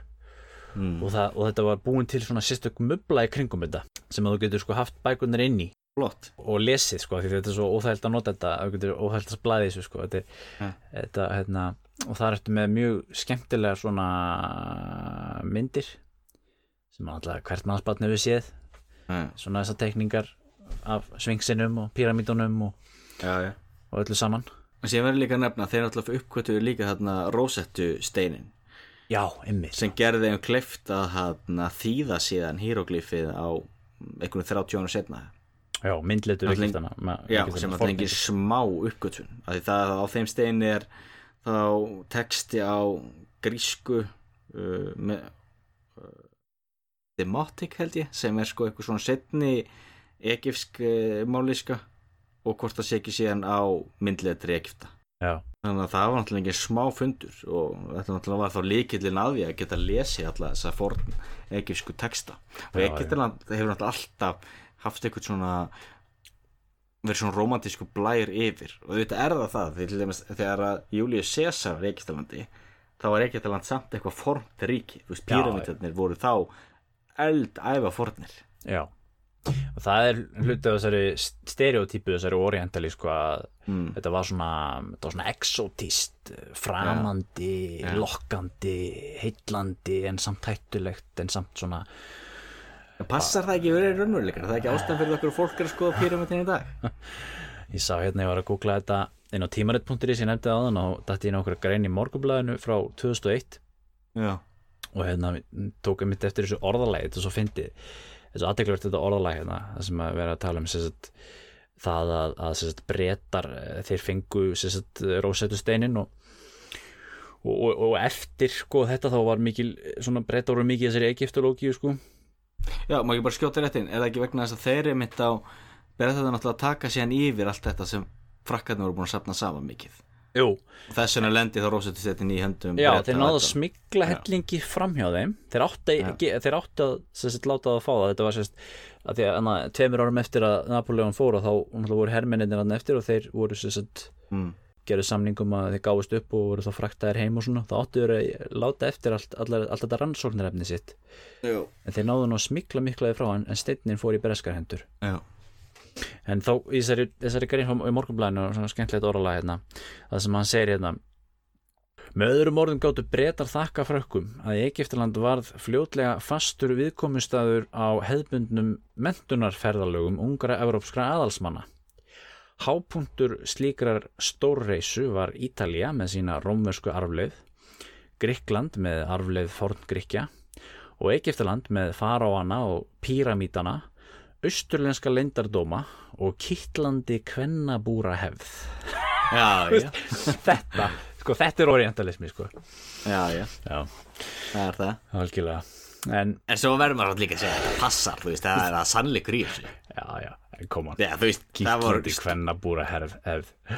Já, já, þú veist, ég, en það er sannleikur náttúrulega þegar þeir komið þetta þegar menn sáu náttúrulega alla þessa stórkalla með kvennabúrun sín þetta var ekki þvílíkt framandi fyrir Európabúa Nei.